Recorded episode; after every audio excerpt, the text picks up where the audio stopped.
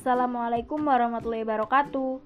Shalom, salam kebajikan, salam sejahtera bagi kita. Om Swastiastu, Namo Buddhaya. Hai semuanya, hari ini Posesima akan menjelaskan tentang sejarah maritim. Negara maritim adalah salah satu julukan bagi negara kita Indonesia. Dengan kerajaan yang terkenal ialah Sriwijaya dan juga Majapahit.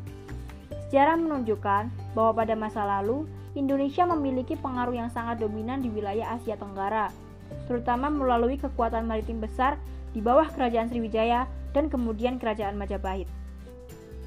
Di sini dapat disimpulkan bahwa wilayah perairan lebih dominan daripada wilayah daratan. Yang menjadi bukti banyaknya perairan di Indonesia salah satunya adalah adanya Sungai Berantas.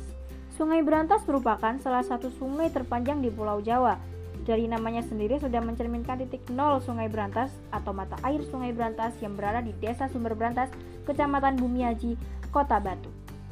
Aliran Sungai Berantas sendiri melewati beberapa daerah di Jawa Timur loh, salah satunya di daerah Jombang, yang tepatnya di Kecamatan Megaluh.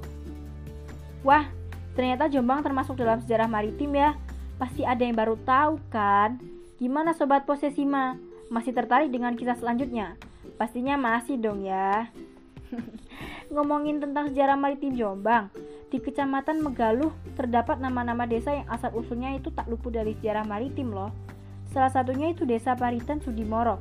Asal usulnya desa ini adalah dahulu kala desa ini adalah parit untuk membendung air sungai Berantas. Dan teman-teman sadar nggak sih kalau tanah dari desa ini tuh tanah pasir yang merupakan tanah dari sungai Berantas? Gimana? Sudah tahu kan kalau sejarah maritim itu ada di dekat kita? Kita sebagai anak bangsa harus tahu kalau perairan Indonesia bukanlah pembatas, namun pemersatu pulau Indonesia. Terima kasih untuk teman-teman yang sudah mau belajar bersama kami. Sampai jumpa di podcast selanjutnya.